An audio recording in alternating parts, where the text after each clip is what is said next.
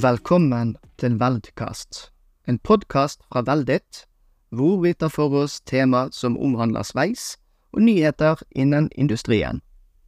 Dette er den første podkasten vi publiserer, og vi har vært så heldige å fått med oss Roald Sægrov fra Standard Norge. Her svarer han oss på spørsmål som omhandler status på den siste revisjon av EUs tekniske regelverk, og hvilke konsekvenser dette kan få på ISO 1090 del 1 og CE-merking av stålprodukter. Vi møtte Roald på Norsk ståldag 2023, hvor han også hadde et foredrag om dette temaet. Yes, da tenker jeg nå er vi samlet her nede på Norske ståldager 9. november 2023. Og det har vært en eh, innholdsrik dag, og med meg her i sofaen så er jeg så heldig å ha med meg Roald Segrov fra Standard Norge. Eh, han har i dag hatt et eh, innlegg om status på revisjon av EUs tekniske regelverk, som da heter CPR AQUI, som omhandler konsekvenser for EN 1090-1 og CE-merking av stålprodukter. Så da ønsker jeg først å si velkommen til deg, eh, Roar. Takk for det. Eh, og så har jeg noen spørsmål til deg. Eh, jeg tenker vi starter med en kort introduksjon om hovedpoengene i ditt foredrag, eh, til de som ikke var til stede i dag. Ja. Um, formålet er jo at uh, Eller med foredraget, det som jeg prøver å, å, å si noe om, det er at det er store arbeidet som gjøres i europeisk sammenheng for å få med det grønne skiftet, og for å få med digitaliseringen i EU eh, e sitt regelverk, og med det også i standardiseringen. Og Det betyr jo at uh, det som er relevant for de som vil bruke uh, 1090 del 1 og CE-merket til T90 del 1, det er hvordan dette kommer til å se ut under det nye regelverket, med disse aspektene ved seg. Og så er det jo også en, en, forklaring for hvorfor, hvorfor kommisjonen uh, lager dette nye regelverket, er også for å få hele dette systemet med harmoniserte standarder og CE-merking til å fungere bedre enn det det gjør. EU-kommisjonen er veldig opptatt av at det er mer, hva skal vi si, juridisk vanntett enn det det har blitt oppfatta som.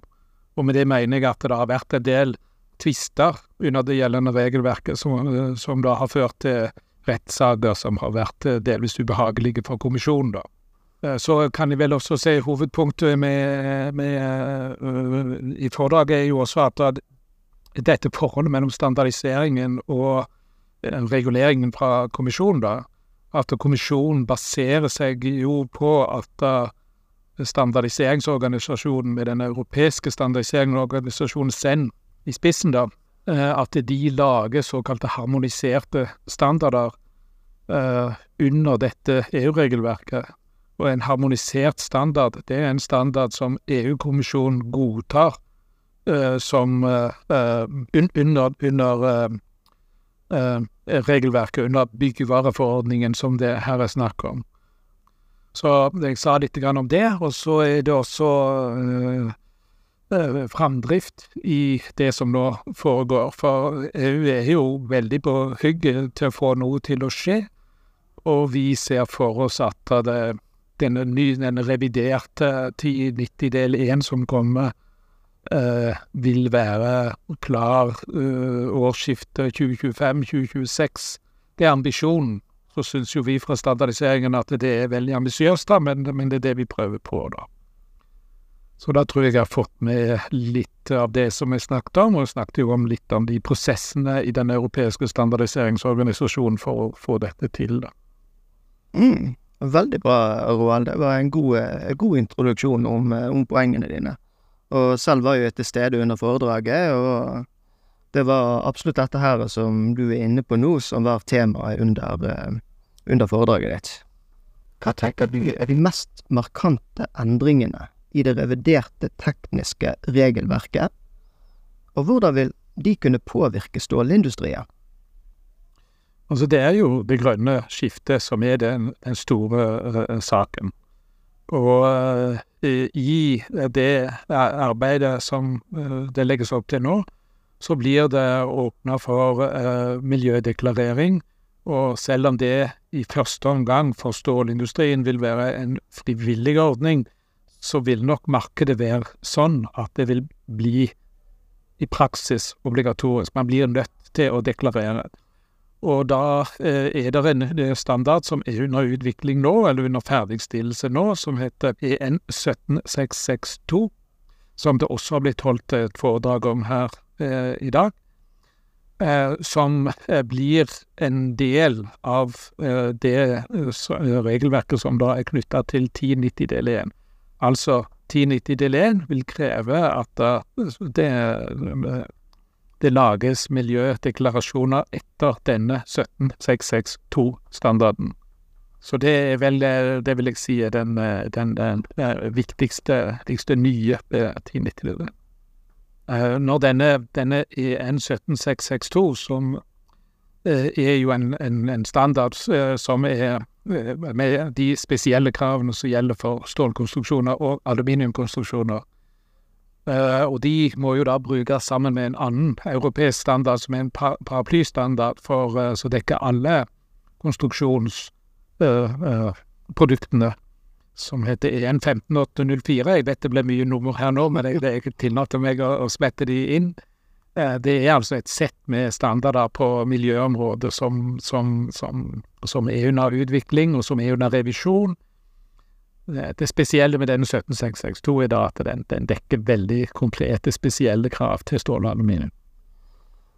Kjenner du til noen spesielle utfordringer knyttet til utarbeidelsen og bruken av den nye revisjonen av EN 1090 del 1? Ja, det er i hvert fall uh, en utfordring som jeg kom på når du spør om det. Og det er dette forholdet til utførelse. Um, sånn som vi har tenkt rundt det, den standarden, den versjonen som foreligger i dag, er jo at kvalitet ved produktene sikres ved krav til utførelse. Og så er det sånn at vi har strengere krav til utførelse hvis, uh, hvis komponenten da skal brukes i et bygg der konsekvensene for uh, kollaps er store, f.eks. en brukonstruksjon sammenlignet med et kontorbygg eller en svær idrettshall sammenlignet med en, en, mindre type konstruksjon. Det er det systemet vi har i dag. Vi sikrer, vi, vi sikrer ekstra sikkerhet ved å stille større krav til kontroll av utførelse, sveisekontroll og materialegenskaper og slikt. Men kommisjonen tenker ikke sånn. Altså, de følger ikke den filosofien. Deres tankegang er at vi har laget et produkt og de kjører med noen mekaniske tester på, på det ferdige produktet altså. Og de testene skal være, da være sånn at, uh, at uh, man kan bestemme om produktet kan deklareres uh, eller ikke. fra vår side, og fra brukerens side ikke minst, så vil man gjerne vite hva slags utførelseskrav som er, som er tilfredsstilt. Og når det ikke da inngår i denne standarden, i utgangspunktet i hvert fall, så har vi et problem når det gjelder, eller en utfordring, da, når det gjelder uh, brukeren, hva, hva, brukeren skal gjøre. Altså, er denne komponenten OK for bruk i bruk, eller er den ikke det? Det står i det, det er ikke det som er deklarert. Og så prøver vi da å, i dialog med kommisjonen og internt hos oss i eh, den europeiske standardiseringsynda, og se hvordan vi kan på en eller annen måte få denne informasjonen med. Og det er en utfordring. Det er en utfordring, det blir en utfordring for brukeren hvis dette ikke står. Det er en utfordring for oss som driver med standardisering, og prøver å få det inn. Jeg tenker vi må snakke litt om uh, muligheter òg, Roald. Uh, og da tenker jeg på den an andre siden. Ser du noen nye muligheter nå for bransjen som følge av disse endringene?